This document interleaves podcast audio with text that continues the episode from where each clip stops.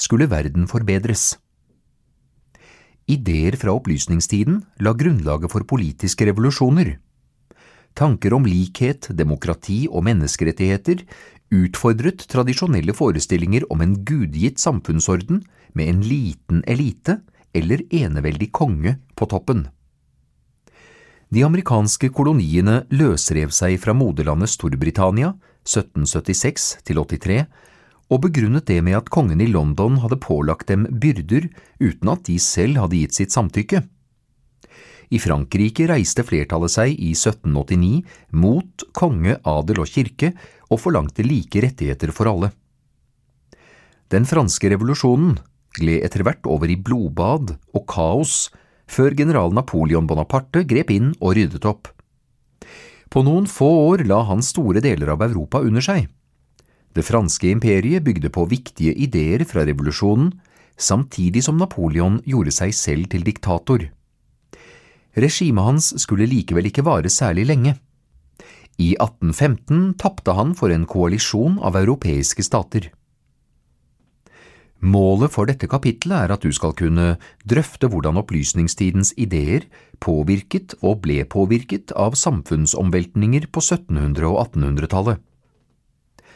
I kapittelet bør du merke deg opplysningstidens ideer om frihet, fornuft og framskritt, den amerikanske og den franske revolusjonens betydning for demokrati og menneskerettigheter, Napoleons eksport av revolusjonens ideer til andre land, Wienerkongressens forsøk på å gjenopprette maktbalansen i Europa, 1830- og 1848-revolusjonenes videreføring av demokratiutviklingen. Opplysningstidens ideer Forestilling om framskrittet Gjennom størstedelen av historien har mennesket strevd hardt med å overleve fra dag til dag. Kampen for å skaffe tilstrekkelig med næring, ly mot vær og vind, beskyttelse mot voldelige overgrep og sykdommer, har karakterisert hverdagen helt fram til den moderne tid, 1700- til 1800-tallet. Livet var, som den britiske filosofen Thomas Hobbes skrev i 1651, ensomt, ubehagelig, dyrisk og kort. For de fleste mennesker var det lite å gjøre med det. Siden Gud hadde skapt alt, måtte man finne seg i sin skjebne. Det var faktisk ikke før i opplysningstiden på 1600- og 1700-tallet at en annen forestilling begynte å feste seg. Menneskene var ikke bare overgitt til Guds vilje, men hadde rett til å søke lykken og et bedre liv. Tanken om å kunne forandre samfunnet og ta kontrollen over naturen fikk sitt gjennombrudd. Med fornuften kunne overtroen overvinnes, menneskene kunne frigjøres fra undertrykking og verden ville gå framover. I stedet for å skue bakover var det framskrittet og morgendagen som var viktig. Den første som for alvor tok til orde for framskrittet, var den britiske filosofen Francis Bacon. Allerede i 1597 formulerte han det berømte slagordet Kunnskap er makt. Kunnskapens mål var nytten. Gjennom vitenskap og teknologi skulle naturen kontrolleres og gjøres til menneskehetens tjener. Bacons holdning var for mange sjokkerende og farlig.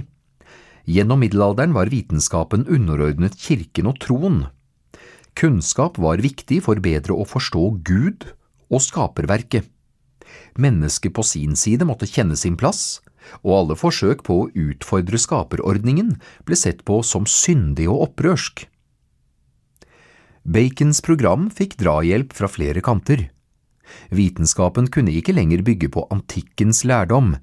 I stedet for å studere de gamle mesterne Aristoteles, Galenos og Ptolemeus, måtte vitenskapsmennene gjennomføre sine egne eksperimenter og undersøkelser. Resultatet var ny kunnskap på mange felt. Mest kjent er kanskje det heliosentriske verdensbildet. Sola, og ikke jorda, var universets sentrum. Nikolaus Kopernikus 1473–1543, Johannes Kepler 1571–1630 og Galileo Galilei 1564–1642 viste etter årevis med studier at den gamle læren om himmelrommet var helt feil.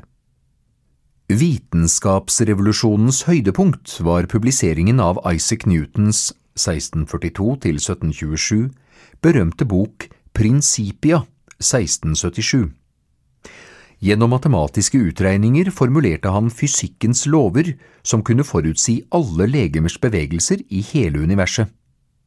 Kombinasjonen av konkrete observasjoner og matematikk var nøkkelen til vitenskapens store suksess.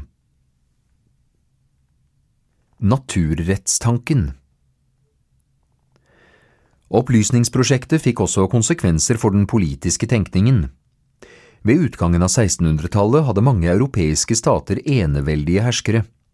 Forestillingen om det absolutte eneveldet, med kongen eller keiseren innsatt av Gud, var i flere land den rådende politiske ideologien. Eneveldet som politisk system bygde på tanken om at samfunnet trengte en sterk leder som kunne holde menneskenes syndige og destruktive natur i sjakk. Makten hvilte i siste instans på Guds vilje, og kongen var vår Herres øverste representant i samfunnet. Ideen om kongen av Guds nåde skulle imidlertid bli utfordret av den såkalte naturrettstanken. Politiske filosofer grep tilbake til antikken og hentet fram naturrettstanken. Alle mennesker var født med noen grunnleggende rettigheter som ingen kunne ta fra dem. Naturretten sto over de konkrete lovene i et samfunn og kunne ikke overprøves av noen myndigheter. Forestillingen om naturlige rettigheter sto sentralt hos den engelske filosofen John Locke 1632 1704. I 1689 ga han ut to essay, Two Treaties of Government. I den første teksten angrep han ideen om at kongen hadde fått mandatet sitt fra Gud. I det andre essayet begrunnet han hvorfor kongens makt overfor folket var begrenset. Locke tok utgangspunkt i det han kalte menneskets naturlige tilstand. Fra begynnelsen av kom mennesket til verden uten annen eiendom enn sin egen kropp. Alle var født like og med en naturlig rett til liv, frihet og eiendom. Å sikre eget liv og egen eiendom var imidlertid kostbart, krevende og risikabelt. Så i stedet for at hver enkelt skulle passe på sitt eget, ble man enige om å etablere en styresmakt. Denne myndigheten fikk i oppdrag å sørge for beskyttelse av både liv og eiendom. Politisk makt hvilte altså på at den enkelte frivillig overlot til staten å forsvare sine naturlige rettigheter. På den måten begrunnet Locke The Glorious Revolution i England i 1688, side 186. Borgerne hadde overlatt til kongen å styre. Kongen måtte på sin side skrive under på The Bill of Rights, som slo fast at han ikke kunne heve seg over loven. Han kunne ikke ilegge skatt eller etablere en hær uten parlamentets samtykke. Alle frie borgere var dessuten garantert trosfrihet, ytringsfrihet og rettssikkerhet. Locks filosofi inneholdt samtidig også en klar avgrensning overfor det store flertallet av befolkningen. Alle uten privat eiendom var uten politiske rettigheter. Siden de ikke hadde skapt noe selv, var de ikke betraktet som aktive borgere og kunne derfor heller ikke gjøre krav på politisk innflytelse. Lock argumenterte først og fremst for å sikre eiendomsbesitternes interesser. Rammetekst, side 226 Fortid og forklaring Hvordan ble folket opplyst? Fram til 1750-årene foregikk mye av kunnskapsutvekslingen innenfor vitenskapelige selskaper som The Royal Society i England. Der deltok en snever krets av eksperter, som oftest skrev på latin. Artiklene og bøkene deres var dermed utilgjengelige for vanlige folk. Etter 1750 begynte både vitenskapsmennene og andre intellektuelle å henvende seg til et langt bredere publikum. Stadig flere tekster kom på morsmålene, og aviser og tidsskrifter ble nye kanaler for spredning av kunnskap.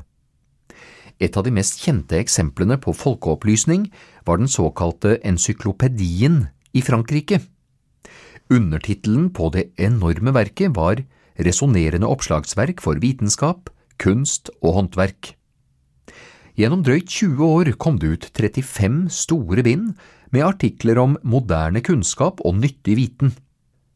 Encyklopedistene populariserte kompliserte vitenskapelige og filosofiske temaer, og informerte om nye oppfinnelser, dyrkningsmetoder og teknologi. En annen sentral del av opplysningsarbeidet var å samle inn og systematisere så mye kunnskap som mulig. Gjennom sine handelsruter og kolonier fikk europeerne for alvor øynene opp for ukjente deler av verden. Natur- og kulturskatter ble tatt med hjem og vist fram. Et eksempel på det finner vi i London, der The British Museum ble etablert i 1753. Det skulle være et utstillingsvindu for all tilgjengelig kunnskap og gjenstander fra hele verden. Den amerikanske revolusjonen Kolonier i Nord-Amerika Fra begynnelsen av 1600-tallet hadde England kastet seg inn i kampen om kolonier i Nord-Amerika. Kostbare kriger mot Spania gjorde det nødvendig med nye inntekter, og de engelske kongene håpet at det var rikdommer å hente i de nye områdene på den andre siden av Atlanterhavet. Fra 1607 til 1732 etablerte engelske utvandrere 13 kolonier langs den nordamerikanske østkysten. Selv om koloniene formelt var underlagt Storbritannia, hadde de stor grad av selvstyre, og amerikanerne måtte i liten grad betale skatt til moderlandet. Gjennom handel og kultur var de likevel sterkt knyttet til det britiske imperiet, som kjempet med både Spania og særlig Frankrike om besittelser på det nye kontinentet. I 1754 brøt det ut væpnet konflikt mellom britiske og franske kolonister om områdene rundt de store innsjøene i Nord-Amerika. Franske bosettere allierte seg med indianerstammer, og striden smittet snart over til Europa, der en internasjonal storkrig var på gang, sjuårskrigen. Koloniene ble straks trukket inn i de europeiske stormaktenes kamp om global dominans. Britiske militære trente opp amerikanske offiserer og soldater, og sendte egne tropper, og Frankrike ga sterk støtte til sine bosettere i den nye verden. For de 13 britiske koloniene virket krigen samlende, og en gryende amerikansk patriotisme vokste fram. Da krigen var over i 1763, måtte Frankrike gi fra seg alle områder i det østlige Nord-Amerika til Storbritannia. Forholdet mellom de 13 koloniene og moderlandet syntes umiddelbart å være bedre enn noen gang. Det skulle likevel ikke gå lang tid før spenningen begynte å vise seg. Britene mente amerikanerne langt på vei hadde vært økonomiske gratispassasjerer under krigen mot Frankrike, og vedtok derfor en rekke nye skatter og avgifter for koloniene. Amerikanerne, oppildnet av sin nye patriotisme og fellesskapsfølelse, sa på sin side at de hadde lidd de største militære tapene, og derfor ikke skyldte britene noe som helst. Dessuten hevdet de at siden de ikke var representert i parlamentet i London, skulle de heller ikke pålegges nye skatter. Det var i strid med prinsippene som også hadde ligget til grunn for The Glorious Revolution i 1688. Konflikten mellom koloniene og Storbritannia fikk en rask opptrapping. Gang på gang saboterte amerikanerne de nye skatte- og avgiftsøkningene. Mange smuglerskip anløp havner uten å betale de pålagte avgiftene. Den mest berømte protesten var det såkalte Boston Tea Party i 1773. For å vise sin misnøye med en ny skatt på te, snek en gruppe aktivister seg inn på britiske skip i Boston og kastet lasten på sjøen. Reaksjonen fra London var å sende flere soldater. Som svar etablerte koloniene sin egen hær, og i 1775 kom det til kamphandlinger. En heftig politisk debatt om ikke amerikanerne like gjerne skulle kutte båndene til Storbritannia helt, brøt ut. Rammetekst side 228 Kildesortering Thomas Paine Den amerikanske krisen Thomas Paine var en av de viktigste pådriverne bak den amerikanske revolusjonen. I januar 1776 ga han ut pamfletten Sunn fornuft, Common Sense, som på kort tid solgte i en halv million eksemplarer. Paynes lille skrift ga en voldsom inspirasjon til dem som ønsket å bryte med Storbritannia. Året etter, da krigen gikk dårlig for amerikanerne, skrev han et avisinnlegg for å oppildne til videre kamp. Teksten på forsiden av The Virginia Gazette åpner med en av de mest berømte setningene fra hele frigjøringskrigen. Dette er tider som tester menneskers sjeler. Sommersoldaten og solskinnspatrioten vil i denne krisen trekke seg fra å tjene sitt eget land, men han som holder ut, nå, fortjener kvinners og menns kjærlighet og takk. Tyranni, som helvete, lar seg ikke lett overvinne, og likevel trøster vi oss med at jo hardere konflikten er, desto mer ærefull er seieren. Bare himmelen vet hvordan vi kan sette rett pris på det den gir oss. Men det ville være merkelig om ikke en himmelsk gave som frihet skulle vært høyt verdsatt. Storbritannia, med en hær som kan håndheve hennes tyranni, har erklært at hun har en rett, ikke bare til å skattlegge, men til å binde oss i alle slags saker. Hvis det å være bundet på den måten ikke er slaveri, da finnes ikke slaveri på jorden. Uavhengighetserklæringen 1776 Sommeren 1776 var begeret fullt for amerikanerne. 4. juli vedtok de en uavhengighetserklæring, The Declaration of Independence. Den slo fast at koloniene ikke lenger betraktet seg som en del av Storbritannia. Samtidig erklærte de seg selv som Amerikas forente stater. I London ble erklæringen blankt avvist, og krigen ble umiddelbart trappet opp. Under ledelse av general George Washington kjempet en kvart million dårlig utrustede soldater mot en av datidens mektigste militærmakter. Amerikanerne drev effektiv geriljakrigføring, og de fikk støtte fra Frankrike, som gjerne ville svekke sin europeiske rival så mye som mulig. Revolusjonskrigen varte i sju år, og i 1783 aksepterte britene endelig kolonienes selvstendighet. En viktig årsak til det vellykkede opprøret var amerikanernes overbevisning om at de sloss en rettferdig kamp. Den ideologiske begrunnelsen for frigjøringen var først og fremst nedfelt i uavhengighetserklæringen, skrevet av juristen og godseieren Thomas Jefferson 1743 til 1826 fra Virginia. Det relativt korte dokumentet inneholder et avsnitt som amerikanske barn fortsatt lærer på skolen. Vi mener det er en selvinnlysende sannhet at alle mennesker er født like at de alle har fått visse umistelige rettigheter av sin skaper, og at retten til liv, frihet og streben etter lykke er blant disse.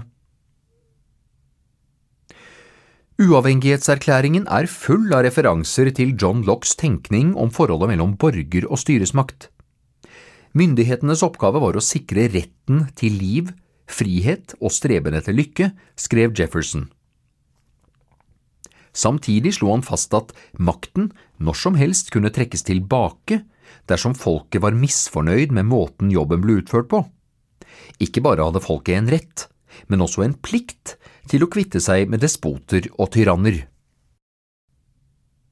Konstitusjonen Etter at revolusjonskrigen var vunnet, dannet koloniene en føderal republikk.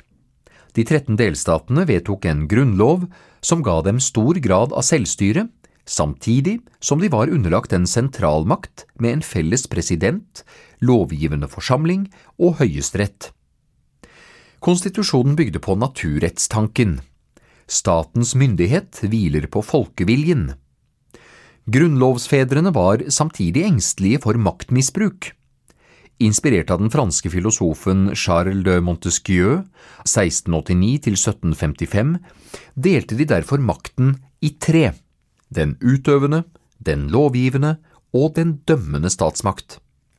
Disse tre skulle så holde hverandre i sjakk. Så sterk var frykten for sentralmakten at de også vedtok ytterligere tillegg til Grunnloven.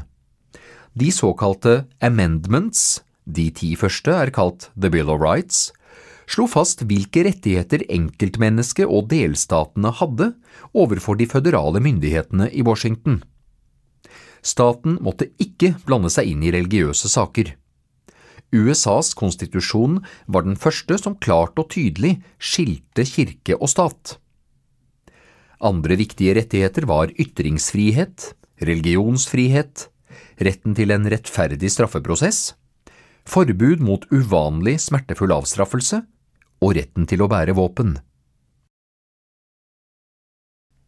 Rammetekst, side 230 Nærbilde Thomas Jefferson og slaveriet Thomas Jefferson blir ofte trukket fram som en av USAs store presidenter. Som forfatter av uavhengighetserklæringen har han vært sett på som frihetens store forkjemper.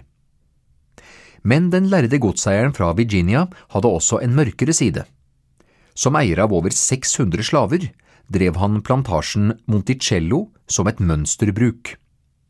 Det store paradokset er hvordan han på den ene siden kunne lovprise den medfødte friheten, og på den andre siden behandle mennesker som sin personlige eiendom. I historiebøkene har Jefferson gjerne blitt framstilt som en motvillig slaveeier som bare godtok slaveriet for at opprettelsen av USA skulle bli mulig. Sørstatene ville aldri gått inn i unionen dersom de ikke fikk beholde slavene. Nyere forskning viser derimot at Jefferson også hadde andre motiver for ikke å ta opp kampen mot det menneskefiendtlige systemet. I et brev fra 1792 skriver han at hver slave ga 4% årlig avkastning. For å drive Monticello med overskudd var han helt avhengig av slaveriet. Idealene fra uavhengighetserklæringen kom altså til kort, satt opp mot hans økonomiske interesser. Selv om Jefferson etter tidens standard var betraktet som en relativt mild slaveeier, nølte han ikke med å straffe rømlinger eller dem han oppfattet som unnasluntrere, med pisking. I løpet av livet friga han bare to av slavene sine, og han fikk barn med en av de svarte kvinnene, Sally Hemmings. Den historien ble ikke allment kjent før ganske nylig.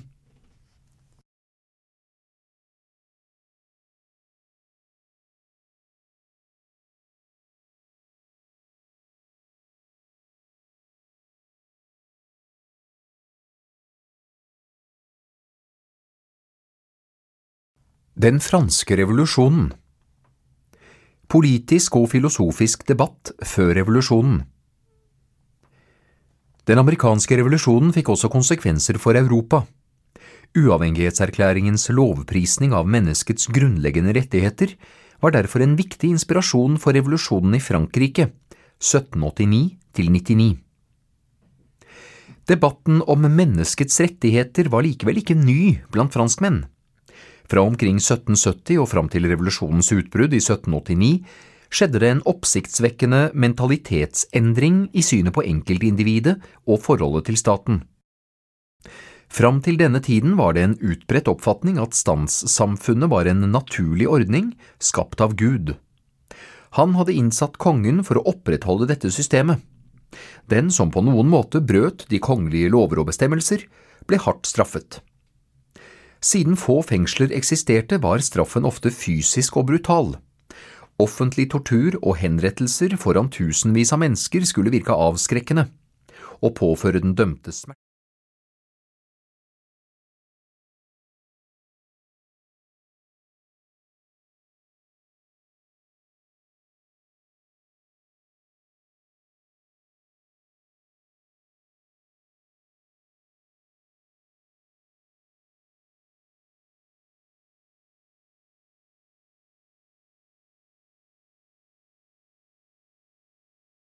Smerte var allment akseptert.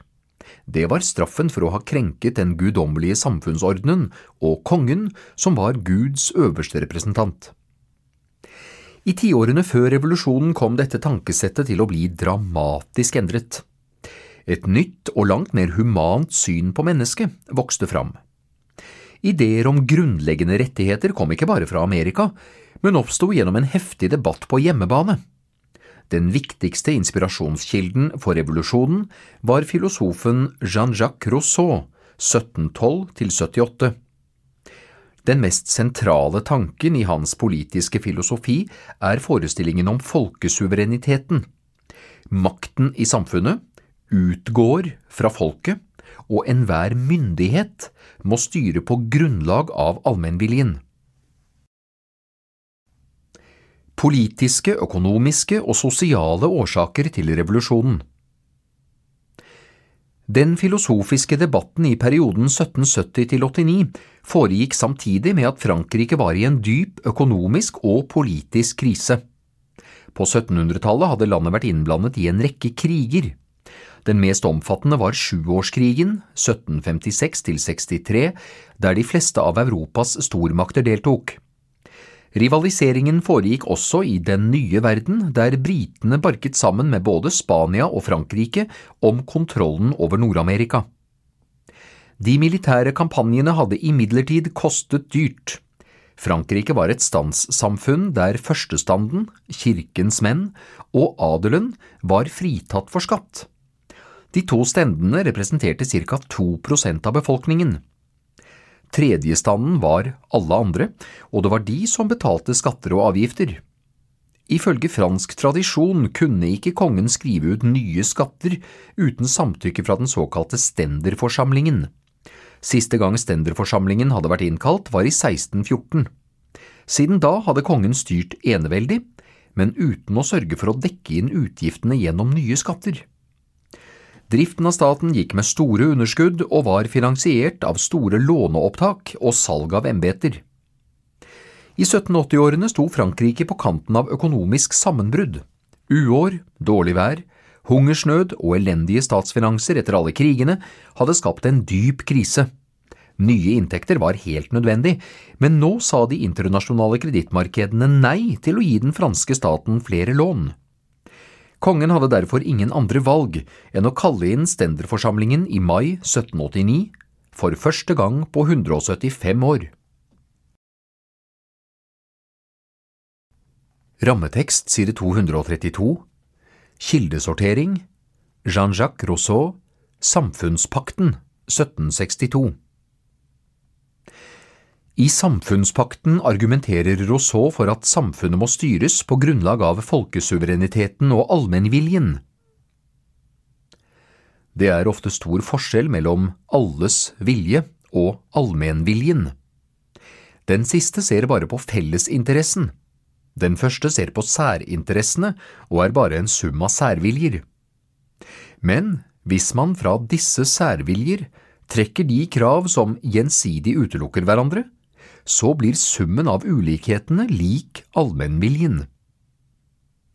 Et folk kan rådeslå uten å ha den nødvendige innsikt, men summen av de mange små uenigheter vil allikevel være et uttrykk for allmennviljen og vedtaket vil være rettferdig når ikke bare borgerne enkeltvis har rådført seg med hverandre. Men så snart det oppstår sammenslutninger og politiske partier på bekostning av den store enhet, får hver av disse sammenslutninger en vilje som er allmenn i forhold til medlemmene, men en særvilje i forhold til staten. Rousseaus bok er en normativ kilde. Idealsamfunnet hans er fjernt fra det eksisterende Frankrike eller noe annet land på 1700-tallet. Samfunnspakten skulle bli en av de viktigste inspirasjonskildene til den franske revolusjonen. Den er dermed et godt eksempel på at en normativ kilde kan fungere som en pådriver for historisk forandring.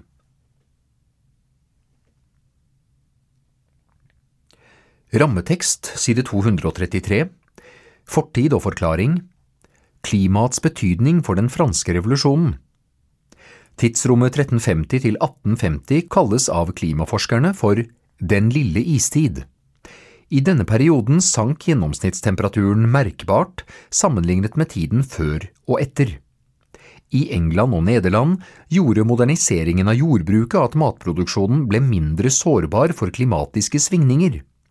I Frankrike var derimot både myndighetene og bøndene mer konservative og lite interessert i endringer. Langt ut på 1700-tallet dyrket de jorda omtrent som i middelalderen, og de var svært negative til den kanskje viktigste nye planten fra Amerika, nemlig poteten. Resultatet var at den franske befolkningen var mer utsatt for uår og sviktende avlinger. Gang på gang gikk de vinteren i møte uten nok mat til seg selv eller til husdyrene. I 1780-årene ble forholdene enda verre.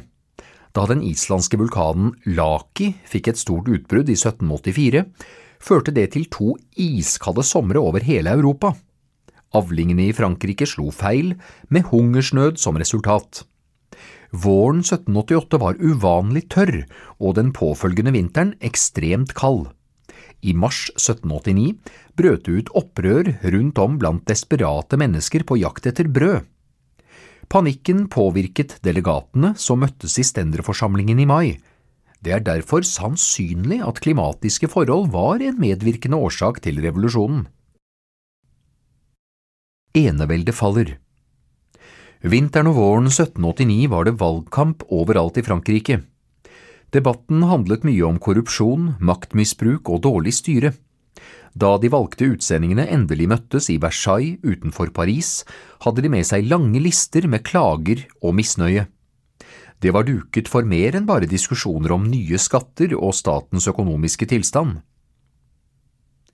I stenderforsamlingen var det omtrent like mange delegater for hver stand. Siden tredjestanden representerte 98% av befolkningen, krevde den å få dobbelt så mange mandater som de to andre til sammen. Dessuten forlangte de at hver representant skulle ha én stemme. Kong Ludvig den 16. sa ja til det første kravet, men nei til det andre.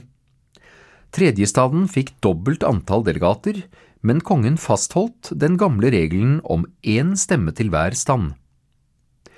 Siden både adelen og kirken var lojale overfor kongen, ville det sikre ham kontroll over forsamlingen. Kongens beslutning skapte raseri i tredjestanden. 17. juni erklærte de seg som Frankrikes rettmessige nasjonalforsamling. De ville nå utarbeide en ny grunnlov. En presset Ludvig den 16. aksepterte tilsynelatende erklæringen og godkjente dermed i prinsippet oppløsningen av eneveldet. Revolusjonen var i gang. Selv om tredjestandens utsendinger hadde utfordret kongens makt, var de politisk sett nokså moderate.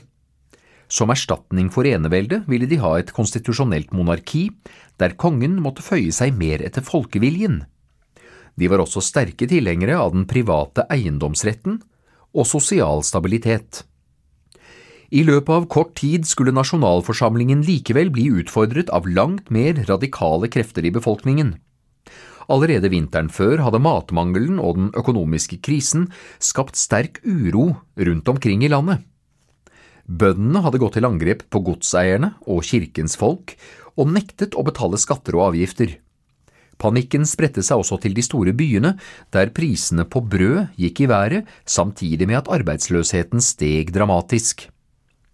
Etter at nasjonalforsamlingen var utropt, mobiliserte kongen tusenvis av soldater i Paris for å slå ned oppløp og demonstrasjoner. Mistanken steg om at Ludvig den 16. var i ferd med å vende seg mot revolusjonen.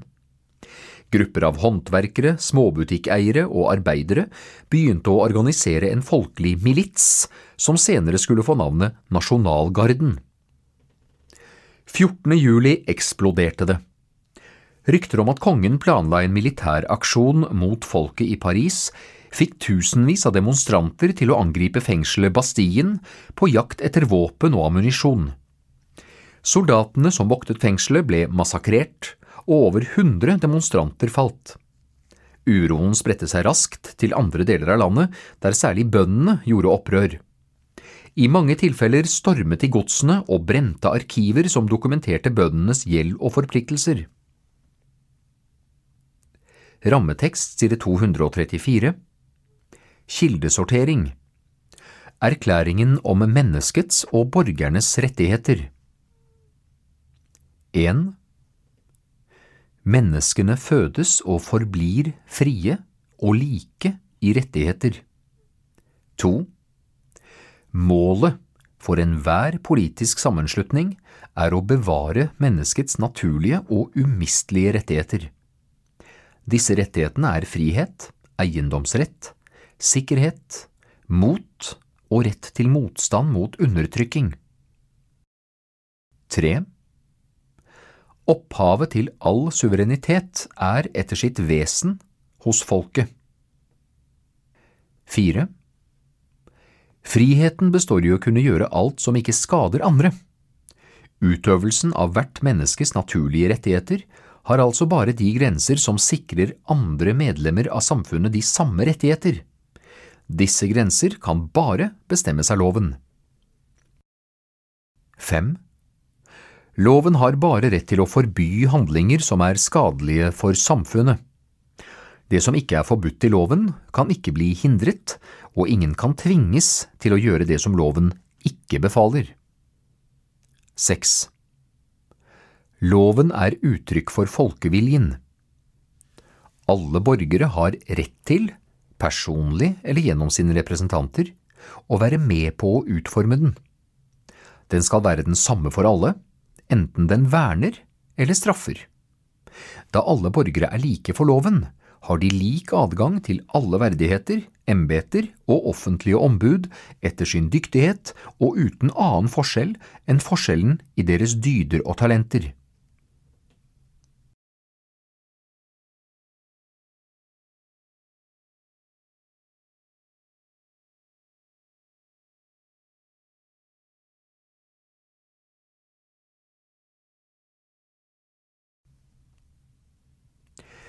Menneskerettigheter og ny grunnlov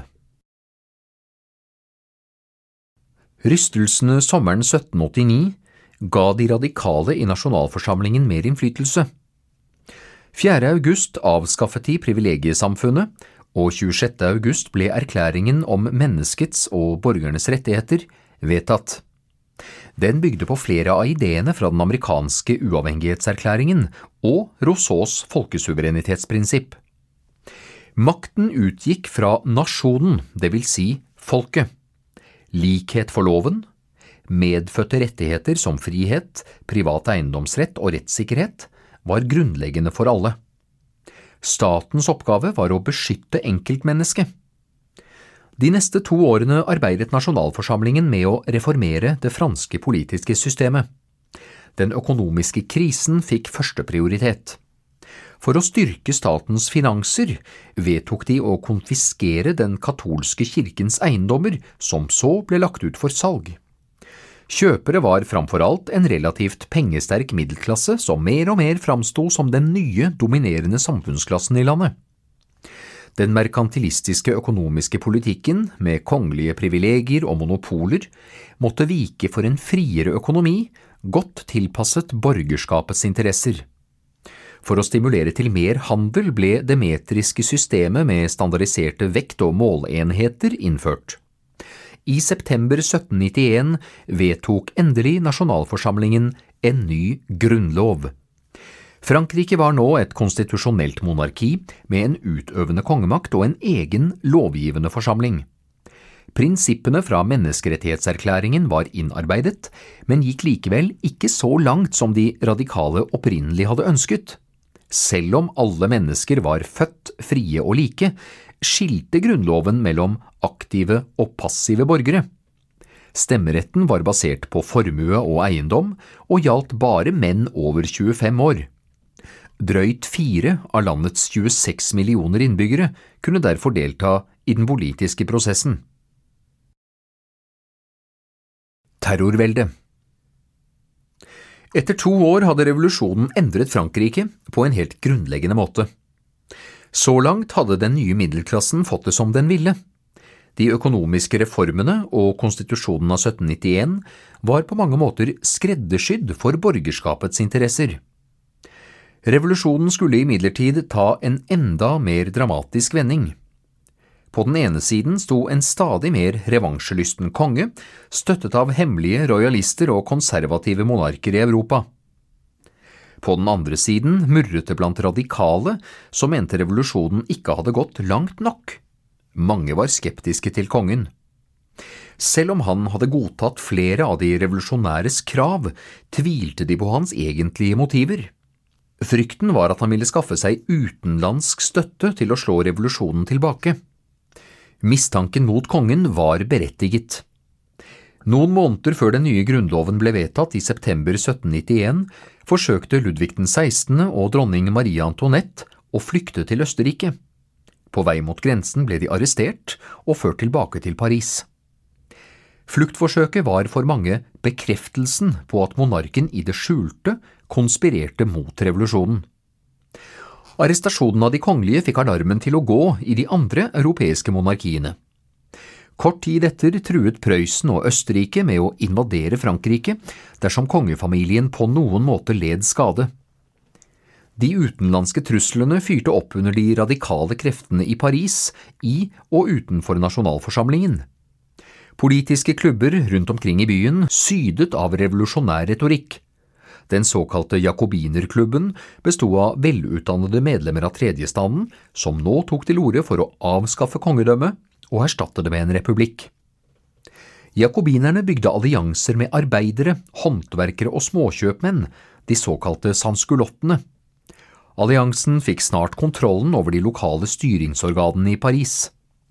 Etter valget høsten 1791 rykket jakobinerne også inn i nasjonalforsamlingen. I april 1792 vedtok den en krigserklæring mot Østerrike og Prøysen, og å opprette en nasjonalgarde på 20 000 mann som skulle forsvare Paris. Rammetekst side 236 Nærbilde Olympe de Gourge. Den storslagne erklæringen om menneskets og borgernes rettigheter gjorde krav på å være universell, det vil si gyldig for alle folk, alle land og alle tider. Tilsynelatende var den en full seier for enkelte radikale opplysningsfilosofer som blant annet hadde kritisert amerikanerne for å nekte kvinner og slaver grunnleggende rettigheter. Da den nye grunnloven ble vedtatt i 1791, hadde imidlertid borgerskapets ledende politikere, som nå satt i de viktigste posisjonene, fått betenkeligheter. Full likestilling mellom kjønnene var for drastisk. Derfor valgte man å ekskludere kvinnene fra definisjonen av hva en borger med rettigheter var, til tross for den avgjørende rollen de hadde spilt under revolusjonen. Reaksjonene på diskrimineringen var sterk. I 1791 skrev forfatteren og journalisten Olympe de Gauge 1748–93 en alternativ erklæring om kvinnens og borgerinnens rettigheter. Der hevdet hun at Kvinnen som hadde rett til å bli henrettet på skafottet, burde også ha rett til å delta i tribunen. Fordi likhet mellom kvinner og menn var naturlig, var det en selvfølge at de burde behandles likt. Olympe de Gorge kjempet også for slavenes rettigheter og for kvinnens rett til skilsmisse. De Gorge var i tillegg motstander av dødsstraff og kritiserte henrettelsen av kongen og dronningen. Dermed kom hun på kant med revolusjonens ledere. I november 1793 ble hun derfor selv dømt til døden og giljotinert. Systematisk terror De neste par årene, 1792 til 94, var revolusjonens blodigste fase. Krigen gikk dårlig, og frykten for at kongen skulle greie å mobilisere sine tilhengere, vokste. Sanskulottene og radikale revolusjonære grupper angrep folk som de mistenkte støttet kongen. I uroen som fulgte, ble nasjonalforsamlingen tvunget til å oppløse seg selv og skrive ut nyvalg til det såkalte nasjonalkonventet. Nasjonalkonventet møttes for første gang i september 1792. Forsamlingen var dominert av to radikale fløyer, begge med bakgrunn i jakobinerklubben. På den ene siden sto girondinerne, som nå begynte å frykte at den revolusjonære volden skulle komme ut av kontroll. På den andre siden var Fjellet, en mindre, men desto mer kompromissløs gruppe politikere. Fjellet søkte aktiv støtte fra sanskulottene i Paris. Nasjonalkonventets første store vedtak var å avskaffe det konstitusjonelle kongedømmet og innføre republikk. Kongens forræderi gjorde ham umulig som landets leder. Spørsmålet var samtidig hva som skulle skje med ham personlig. Med knappest mulig flertall fikk Fjellet gjennom sitt forslag om å henrette kongen og dronningen. 21. januar 1793 ble Ludvig den 16. halshogget på skafottet. Noen måneder senere fulgte Marie Antoinette samme vei. Henrettelsen av kongen sendte sjokkbølger gjennom Europa. Prøysen og Østerrike startet raskt en militær offensiv og truet med full invasjon av Frankrike. Samtidig brøt det på nytt ut opprør blant bønder som protesterte mot nasjonaliseringen av kirkegodset og tvangsutskrivning av soldater. I byene gikk fattige nok en gang på barrikadene på grunn av høye brødpriser. Revolusjonen var i ferd med å ende i det totale kaos. For å få kontroll over situasjonen vedtok nasjonalkonventet våren 1793 å innføre allmenn verneplikt for menn mellom 18 og 25 år. Behovet for nye soldater var enormt. Dernest opprettet konventet den såkalte Velferdskomiteen, som besto av tolv menn. Den skulle fungere som utøvende myndighet. Ledet av juristen Maximilian Robespierre 1758–94 etablerte velferdskomiteen spesialdomstoler over hele landet. Alle som kunne mistenkes for å motarbeide revolusjonen, risikerte å bli halshugget. Bondeopprøret ble slått ned av revolusjonsgardister. Med støtte fra sanskulottene i Paris gikk Robespierre også nådeløst fram mot girondinerne i nasjonalkonventet og i velferdskomiteen. Gamle revolusjonshelter mistet hodet én etter én. Som begrunnelse for den systematiske terroren viste Robespierre til Rousseaus ideer i samfunnspakten. Robespierre så republikken som et uttrykk for folkesuvereniteten og allmennviljen. Derfor måtte all opposisjon lukes ut. Minoriteten skulle tvinges til frihet, slik Rousseau hadde formulert det. Bare da kunne republikken reddes. Rousseaus tenkning lå også til grunn for innholdet i den nye republikken. Under kaoset i 1793 hadde nasjonalkonventet vedtatt en enda mer demokratisk grunnlov enn den fra 1791. Alle menn på 21 år fikk stemmerett. Begrepet brorskap kom nå inn, og alle borgere var garantert full ytrings- og trosfrihet. Fra nå av skulle folk tiltale hverandre med du. I oktober 1793 innførte Frankrike dessuten en helt ny tidsregning og en ny kalender. Kristendommen ble avskaffet og erstattet med en offentlig tilbedelse av det høyeste vesen. Alle spor etter det gamle regimet skulle vekk. Gatenavn etter kongelige personer ble endret. Til og med sjakkbrikker og spillekort fikk andre betegnelser.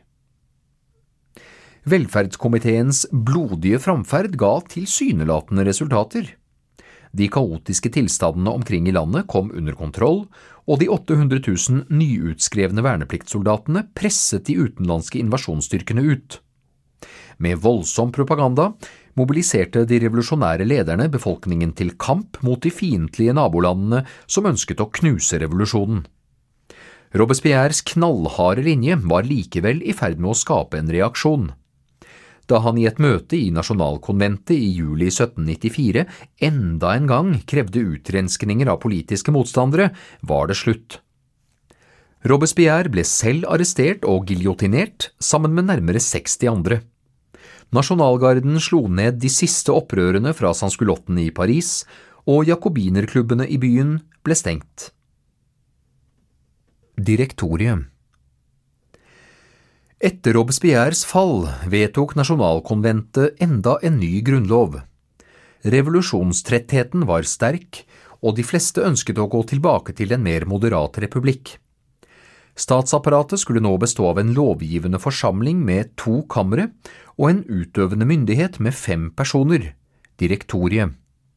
Krav om formue og eiendom for å stemme ble gjeninnført, og myndighetene slo hardt ned på alle former for ekstremisme. Frankrike ville ikke ha et nytt kongedømme, men heller ingen revolusjonær republikk basert på jakobinske prinsipper. Den nye grunnloven fungerte i perioden 1795 til 99. I praksis var det direktoriet som ledet landet, men styret var preget av handlingslammelse og korrupsjon. Presset fra både frustrerte aristokrater, rojalister, borgere og misfornøyde arbeidere gjorde direktoriet mer og mer upopulært. Den økende misnøyen slo kraftig ut i valget i 1799. Jakobinerne kom inn med mange representanter i den lovgivende forsamlingen. Der fikk de vedtatt lover rettet mot rojalister og tidligere fiender av revolusjonen. Samtidig gikk det dårligere i de fortsatt pågående krigene med utlandet. Mange fryktet statskupp fra både kongetro krefter og jakobinerne. Frankrike var igjen på vei inn i kaos.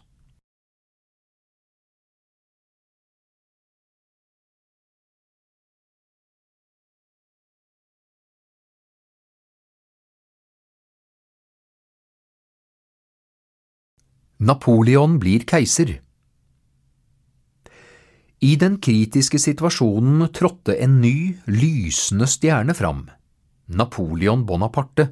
1769 til 1821, hadde allerede gjort seg bemerket som en særdeles dyktig offiser. I 1793 hadde han slått ned et britiskstøttet rojalistisk opprør mot revolusjonen i Toulon i Sør-Frankrike. I 1797 hadde han ledet franske styrker til seier mot Østerrike i Italia.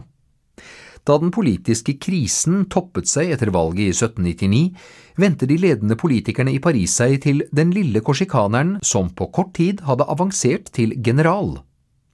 10. november skrev han en erklæring til det franske folk om at han var kommet for å redde fedrelandet. En måned senere vedtok den lovgivende forsamlingen en ny grunnlov som gjorde Napoleon til første konsul og republikkens suverene leder. Fem år senere, i 1804, erklærte han seg som keiser og var dermed i realiteten diktator. Napoleons paradoksale regime Napoleons regime var fullt av paradokser.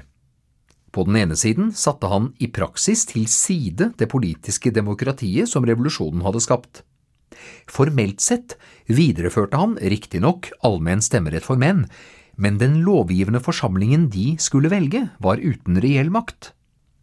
Kvinnene ble juridisk sett underordnet mannen.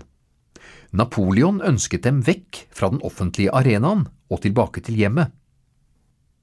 På den andre siden gjennomførte han en rekke reformer som var basert på revolusjonens ideer om likhet og frihet. Code Napoleon var en omfattende endring av fransk lovgivning og styringssystem. Det nye regimet slo fast prinsippet om likhet for loven, og jødene fikk de samme borgerrettighetene som andre franskmenn. Innsats og ikke medfødte privilegier ga muligheter for nye grupper å avansere i det statlige byråkratiet. Som opplysningsmann ønsket Napoleon å ha en kunnskapsbasert administrasjon som effektivt kunne gjennomføre endringer. Sentralisering av statsapparatet, nasjonale standarder for utdanning, forenklet skattesystem, avskaffelse av kirkelige domstoler og felles lovgivning ryddet opp i et virvar av lokale ordninger. Code Napoleon var en gavepakke til den nye middelklassen som nå kunne skyve adelen og kirkens menn til side. Keiseren holdt også fast på den allmenne verneplikten, og som første land i Europa fikk Frankrike en nasjonal, folkelig hær. Soldatene måtte være villige til å dø for fedrelandet. Fransk ekspansjon Napoleon drev også en aggressiv utenrikspolitikk. Framrykningen i Italia i 1797 var et forvarsel om hans ambisjoner om å gjøre Frankrike til Europas dominerende stat igjen. For å kunne konsentrere seg om det, bestemte han seg for å avvikle landets interesser i Nord-Amerika. I 1803 solgte han det enorme Louisiana-territoriet til USA for 15 millioner dollar. Salget ga viktige inntekter til en nokså tom statskasse. Med kroningen av seg selv som keiser i 1804 var han klar for nye erobringer. Første framstøt var en katastrofe. Et invasjonsforsøk av Storbritannia ble kontant slått tilbake, og den britiske flåten knuste Frankrikes marine i det berømte sjøslaget ved Trafalgar i 1805. Britenes suverene dominans på havet var sikret for lang tid framover. Napoleons drøm om fransk ære var nå begrenset til kontinentet. Til tross for nederlaget mot britene hadde keiseren slett ikke mistet motet. I løpet av et par måneder feide franske tropper gjennom Europa. I slaget ved Austerlitz i desember 1805 knuste Napoleons hær de østerrikske og russiske styrkene. Deretter sto Prøysen for tur. Høsten 1806 hadde Napoleon full kontroll over Sentral-Europa, hvor han umiddelbart startet en historisk omorganisering av det tyske lappeteppet av fyrstedømmer. Først avviklet han Det hellige romerske imperiet, og så samlet han en rekke små stater til større enheter. Noen områder ble direkte underlagt Frankrike, mens andre fikk innsatt franskvennlige konger. Med Sentral-Europa sikret, vendte keiseren blikket sørover. De erobrede områdene i Italia ble samlet til nye kongedømmer, styrt av hans egne slektninger. På sensasjonelt kort tid var Napoleon blitt herre over mesteparten av Kontinental-Europa. Frankrikes ære var gjenreist, og overalt i imperiet var Code Napoleon innført. Napoleon hadde på den måten eksportert viktige elementer fra den franske revolusjonen til store deler av kontinentet. For å finansiere kampanjene sine plyndret han samtidig de okkuperte områdene. Følgen var voksende misnøye i mange land. Lykken skulle derfor snart snu. I 1808 gikk franske soldater inn i Spania, en tidligere alliert i krigen mot britene. Der møtte de overraskende sterk motstand. Spanske styrker og en effektiv geriljabevegelse mobiliserte til nasjonal kamp mot invasjonshæren. I stedet for en rask militær seier ble franskmennene sittende i en hengemyr. Kontinentalsystemet Samtidig med det mislykkede felttoget i Spania slet Frankrike med sin gamle fiende Storbritannia. Etter sjøslaget ved Trafalgar forsøkte Napoleon å ramme britene økonomisk. Gjennom det såkalte kontinentalsystemet gjorde han det forbudt å importere britiske varer til Europa. Kontinentalsystemet hadde utvilsomt effekt på den britiske økonomien. Arbeidsløsheten steg, og den sosiale uroen økte i landet. Britene forsøkte å kompensere for den tapte eksporten ved å øke handelen med andre verdensdeler. I tillegg kom de med et svært effektivt mottiltak mot Napoleon. Storbritannia innførte en totalblokade av alle europeiske havner. Viktige handelssentra som Amsterdam ble lammet, og den kontinentaleuropeiske økonomien gikk i stå. Motstanden mot det franske imperiet vokste, og Napoleons popularitet fikk et kraftig tilbakeslag. Rammetekst side 243 Kildesortering Minner om felttoget i Russland 1812 Jakob Walter, 1788–1864, var steinhogger i det tyske kongedømmet Würtenberg. Da den franske keiseren mobiliserte sin store hær for å invadere Russland i 1812, kom mange av soldatene fra stater som samarbeidet med Frankrike. Som tjener for en offiser deltok Jakob Walter i felttoget østover. I 1840-årene skrev han sin beretning om den katastrofale militæroperasjonen for sin sønn. Da jeg fortsatt var tre dagers reise fra Vilnius, omkring klokken tre på ettermiddagen, ga majoren meg hesten sin. På den lå frakken hans, og han sa at jeg skulle forflytte meg litt saktere fordi han ønsket å gå et lite stykke. Så jeg stanset og ventet på ham. Kaptein Frost og hans adjutant var også med meg og ventet, men ingen major kom etter. Vi ventet en hel time, men forgjeves. Jeg var helt sikker på at han hadde frosset i hjel. Det som trolig hadde skjedd, var at han ikke hadde greid å ta på seg de nedrullede buksene sine igjen på grunn av kulda. Mens jeg og kapteinen fortsatt ventet på majoren vår, grep kulden meg så fryktelig at jeg følte meg halvt lammet. Jeg sa da, Kaptein, om du fremdeles ønsker å vente, vil jeg overlevere majorens hest til deg. Jeg føler at jeg holder på å fryse i hjel, så jeg er nødt til å gå videre. Da forlot også kapteinen stedet. Napoleons nederlag Situasjonen i Spania og den britiske blokaden økte presset på Frankrike. Da den russiske tsar Alexander nektet å være lojal mot kontinentalsystemet, bestemte Napoleon seg for å invadere det enorme riket i øst. I april 1812 gikk 600 000 soldater fra det franske imperiet til angrep på den russiske bjørnen. I begynnelsen møtte de lite motstand. Russerne trakk seg tilbake mens de brente ned avlinger og hus. Tilgangen på mat og husly ble etter hvert dårlig for de framrykkende troppene, og de enorme avstandene gjorde forsyningslinjene svært sårbare. Napoleon presset likevel på, og på høsten inntok soldatene hans Moskva.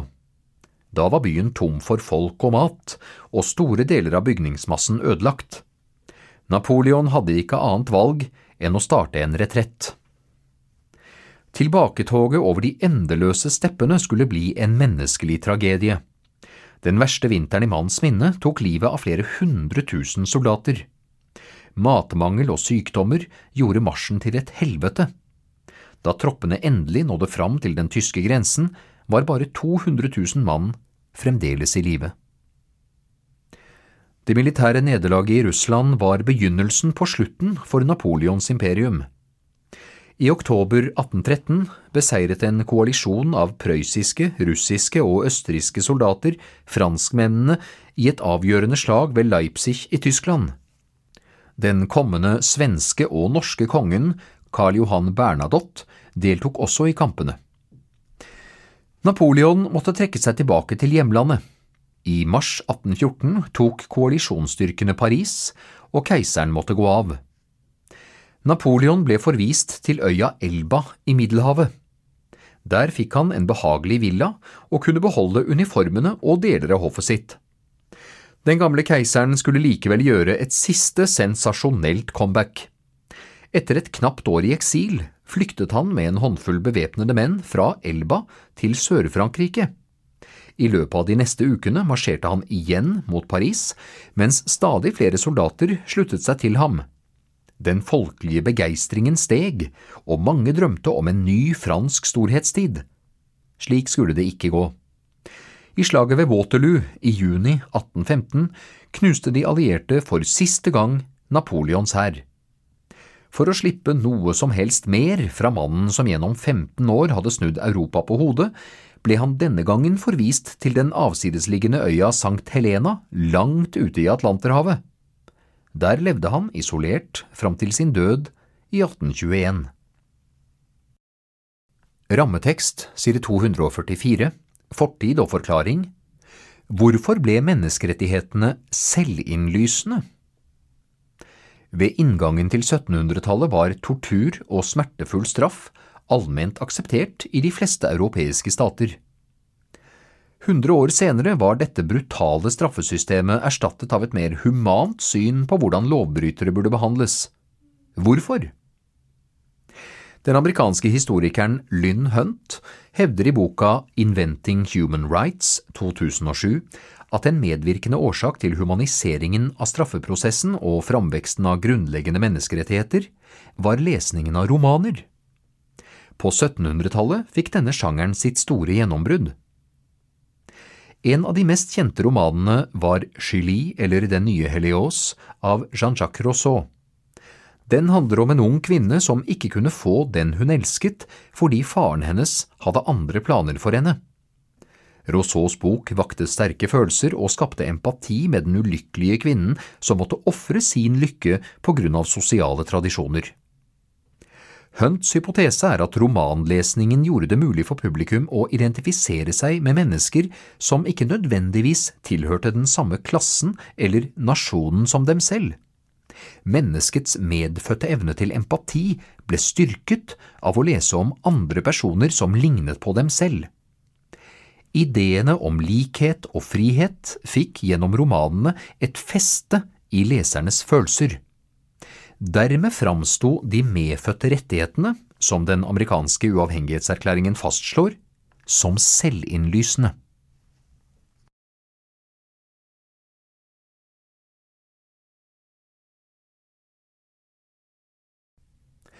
Wienerkongressen og Europakonserten Da Napoleon endelig var sendt i sitt siste eksil, kunne vinnerne sette seg til forhandlingsbordet. Den såkalte Wienerkongressen 1815 med Østerrike, Prøysen, Russland og Storbritannia i spissen, ønsket først og fremst å gjenopprette maktbalansen i Europa.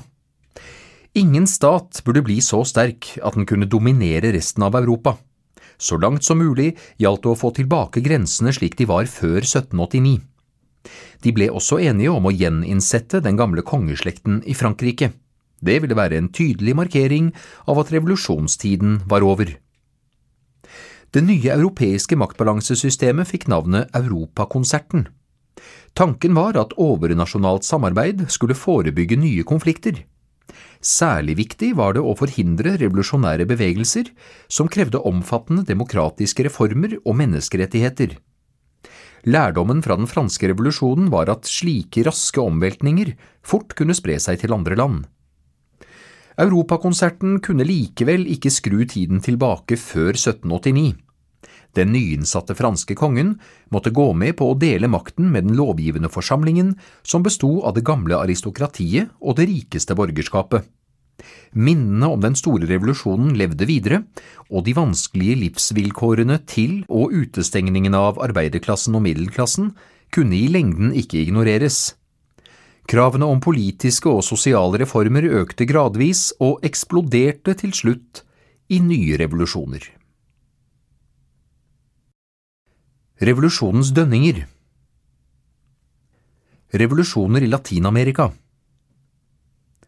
Revolusjonsvindene fra Europa blåste også over til Latin-Amerika. Da Napoleon i 1808 invaderte Spania, ble det vanskelig for den spanske kongen å holde på det gamle koloniveldet i vest. Misfornøyde kreoler var lei av moderlandets monopol på all handel og benyttet anledningen til å starte frigjøringskamper. Den mest kjente opprørslederen var godseiersønnen Simón Bolivar, 1783 til 1830, fra Venezuela. På skolen fikk han lære om opplysningstidens tanker, og som student dro han til Spania og Frankrike. Da han i 1807 vendte tilbake til hjemlandet, var han sterkt inspirert av Napoleons revolusjonære og nasjonalistiske ideer.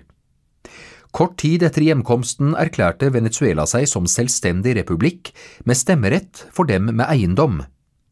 Motstanden fra dem som var lojale mot kongen av Spania var imidlertid sterk. Mange eiendomsløse, indianere og tidligere slaver sluttet seg også til rojalistene, og Bolivar måtte for en stund flykte til Karibia. Der forsto han at en vellykket revolusjon og selvstendighetskamp var avhengig av støtte fra bredere lag av folket. Bolivar skulle også få overraskende hjelp fra utlandet. En del revolusjonære idealister fra Europa seilte over havet og ønsket å kjempe for frigjøringen i Latin-Amerika. For de fleste var det likevel eventyrlyst og håp om belønning for militær innsats som lokket. Særlig viktig for Bolivar var over 7000 britiske og irske frivillige som kastet seg inn i kampen mot det spanske styret. I 1821 ble de tungen på vektskålen da Bolivars republikanske hær endelig nedkjempet de rojalistiske soldatene i et avgjørende slag. Snart var Bolivar hersker over et stort rike kalt Gran Colombia. Det besto av dagens Venezuela, Colombia og Ecuador. Også resten av Latin-Amerika kjempet seg løs fra det spanske koloniveldet. Lenger sør hadde José de San Martin frigjort Argentina, Chile og Peru. I 1825 var de siste spanske styrkene drevet ut av Latin-Amerika. Da hadde også Brasil fått sin selvstendighet fra Portugal. Til tross for revolusjonær retorikk skjedde det små endringer for flertallet av befolkningen i de nye nasjonalstatene.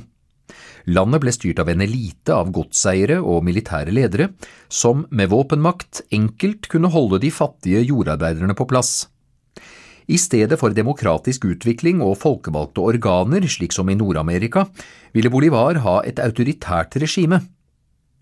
Våre medborgere er ennå ikke i stand til å utøve sine fulle rettigheter, fordi de mangler de politiske dyder som karakteriserer sanne republikanere, skrev han i det såkalte Cartagne-manifestet i 1812. Folket var rett og slett ikke modent for demokrati, mente revolusjonshelten. I stedet lot han seg selv utpeke til enehersker for livet. Han ble dermed den første i en lang rekke diktatorer som helt fram til slutten av 1900-tallet hadde kontrollen i de fleste av Latin-Amerikas stater. Revolusjonene i 1830 I Europa tok utviklingen en annen retning enn i Latin-Amerika. Da den nyinnsatte franske kongen Ludvig den 18. kom på tronen i 1815, håpet adelen og kirken at de snart ville få tilbake sine gamle privilegier og eiendommer. En strøm av rojalistiske emigranter vendte tilbake til Frankrike med forventninger om at nå skulle alt bli som før. Den nye kongen skulle likevel skuffe dem. Ludvig 18. holdt fast på deler av Code Napoleon som prinsippet om likhet for loven.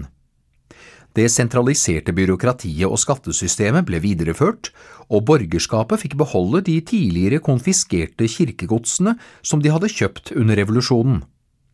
Både adelen og kirkens folk reagerte med raseri, men kongen hadde ingen intensjon om å gjenopprette det gamle regimet fra før revolusjonen.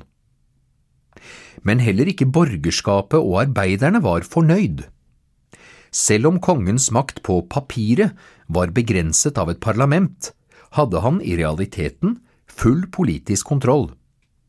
Stemmeretten var begrenset til en liten del av befolkningen, så de aller fleste franskmenn var i praksis utenfor den politiske prosessen.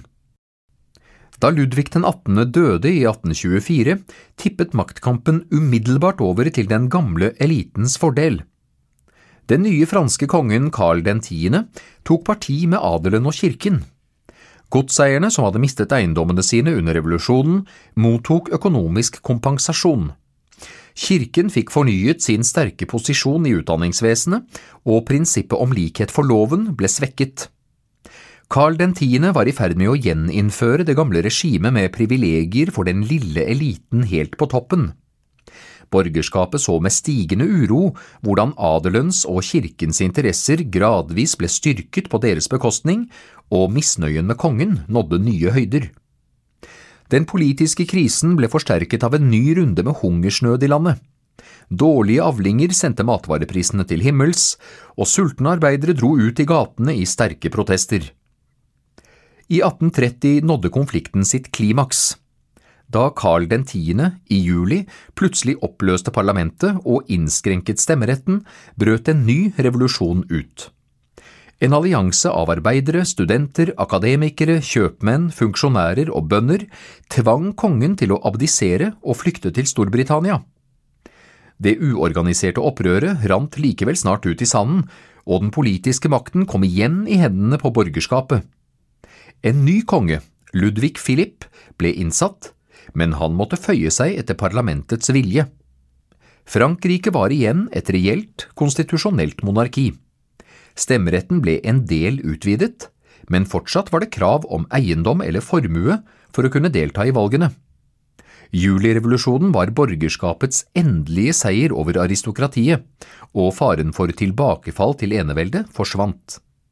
Samtidig sørget de nye makthaverne for å holde massene unna politisk innflytelse.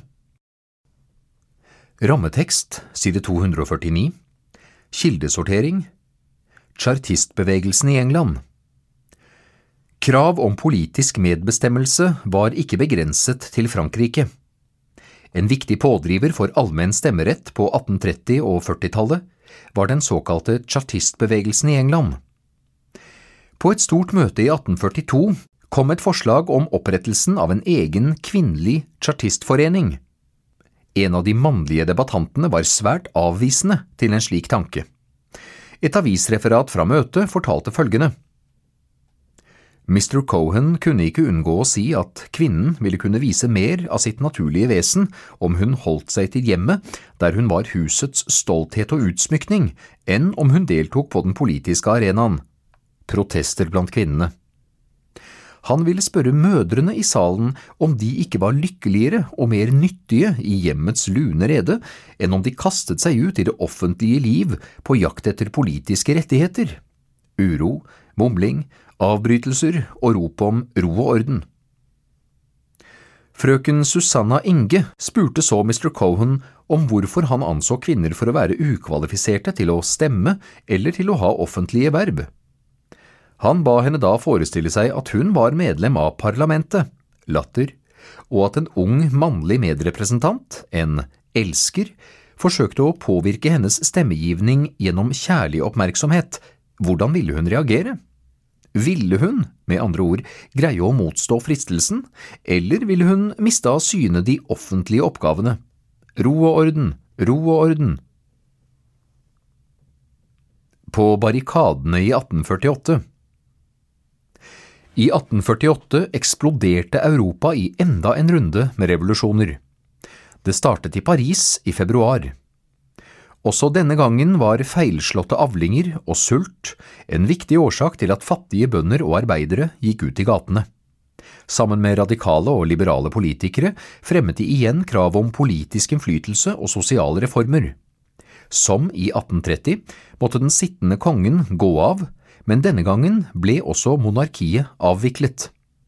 Frankrike fikk sin andre republikk, en provisorisk regjering innførte allmenn stemmerett for menn, og det påfølgende valget ble en stor seier for den konservative Ludvig Napoleon. Den nyvalgte presidenten, som var nevø av Napoleon Bonaparte, hadde lovet fred og økonomiske reformer etter årtier med politisk uro og kaos. Dermed vant han oppslutning ikke bare i borgerskapet, men også blant det overveldende flertallet av arbeidere og bønder. Ludvig Napoleon gjennomførte straks en rekke populære tiltak, som alderspensjon og næringsfrihet. Kirkens folk gledet seg over å få tilbake kontrollen over skolevesenet. Samtidig innledet han en kampanje mot ytringsfriheten og retten til åpen politisk debatt. Det stadig mer autoritære styret hadde støtte i befolkningen, og i 1851 oppløste presidenten nasjonalforsamlingen. Et midlertidig diktatur var nødvendig for å beskytte massenes rettigheter, hevdet han. En folkeavstemning i desember ga ham mandat til å utforme en ny grunnlov, og året etter sa nærmere 90% av velgerne ja til innføringen av et nytt imperium. Ludvig Napoleon tok keisernavnet Napoleon den tredje. Begivenhetene i Frankrike fikk også ringvirkninger i Sentral-Europa. Mest utsatt var det østerrikske imperiet som siden 1815 hadde gjort alt det kunne for å motsette seg demokratiske reformer. I 1848 gikk arbeidere og studenter i hovedstaden Wien på barrikadene og forlangte allmenn stemmerett og ny grunnlov. I Ungarn og Italia fikk opprørere tvunget igjennom selvstyre og nye konstitusjoner, og også blant tsjekkere, serbere, kroater og rumenere var det sterk uro. En slik utvikling var en voldsom trussel mot keiserdømmet, for dersom alle nasjonale grupper fikk styre seg selv, ville imperiet gå i oppløsning innenfra. Det østerrikske keiserdømmet var rystet i sine grunnvoller. Etter noen måneder greide man likevel å samle seg.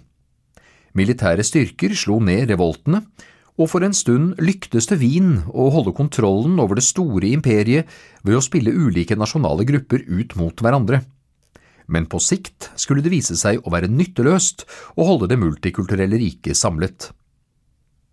Opptøyene i Paris spredte seg også til Prøysens hovedstad Berlin. Demonstrerende studenter og arbeidere krevde ny grunnlov, men den eneveldige kong Fredrik Wilhelm 4.s soldater svarte i første omgang med å skyte på folkemassene. Da protestene likevel ikke ga seg, pekte kongen ut en liberal regjering og lyste ut valg til en ny nasjonalforsamling. Tre år senere avskaffet Prøysen eneveldet og erstattet det med et konstitusjonelt monarki. Demokratiseringen presser seg fram. Revolusjonene i 1848 hadde ført demokratiseringen viktige skritt videre. Likevel var det fremdeles langt fram til at hele befolkningen fullt ut kunne delta i den politiske prosessen. Europas historie i siste halvdel av 1800-tallet handler om hvordan stadig nye grupper i samfunnet står fram og krever sin rett. I Frankrike hadde 1848 tilsynelatende vært en seier for demokratiet. Gjennom valg og folkeavstemninger hadde velgerne gitt sin tilslutning til Ludvig Napoleons reformer. Paradoksalt nok hadde de dermed også gitt sin nyvalgte president myndighet til å avskaffe viktige demokratiske ordninger. Den nye grunnloven i 1851, som gjorde Frankrike til keiserdømme igjen, fjernet i realiteten folkets muligheter til å påvirke politikken. Ikke før et knusende nederlag mot Tyskland i 1871 kom demokratiseringsprosessen tilbake på sporet. Napoleon den tredjes autoritære keiserdømme var over, og den tredje franske republikken med allmenn stemmerett for menn og et parlamentarisk demokrati så dagens lys. sammendrag. Opplysningstidens ideer om frihet, fornuft og framskritt var innledningen på det vi kaller det moderne prosjektet. Vitenskapens forklaringer på hvordan naturen fungerte, ga menneskene grunnlag for å kunne kontrollere den. Spredningen av kunnskapen skapte en mer opplyst offentlighet. Ideene om folkesuverenitet og menneskerettigheter snudde opp ned på den politiske tenkningen. Den amerikanske og den franske revolusjonen pekte framover mot en mer demokratisk måte å organisere samfunnet på. Selv om Napoleons erobringer endte i et tilbakeslag for de revolusjonære ideene, var de nye tankene kommet for å bli. Wienerkongressens forsøk på å skru tiden tilbake var dømt til å mislykkes. De nye bølgene av revolusjoner i 1830 og 1848 viste at kravene om mer demokrati ikke lot seg kvele. 1800-tallets videre historie handler i stor grad om hvordan frihetsideene fra revolusjonene på 1700-tallet gradvis fortsatte sin framgang under litt forskjellige faner.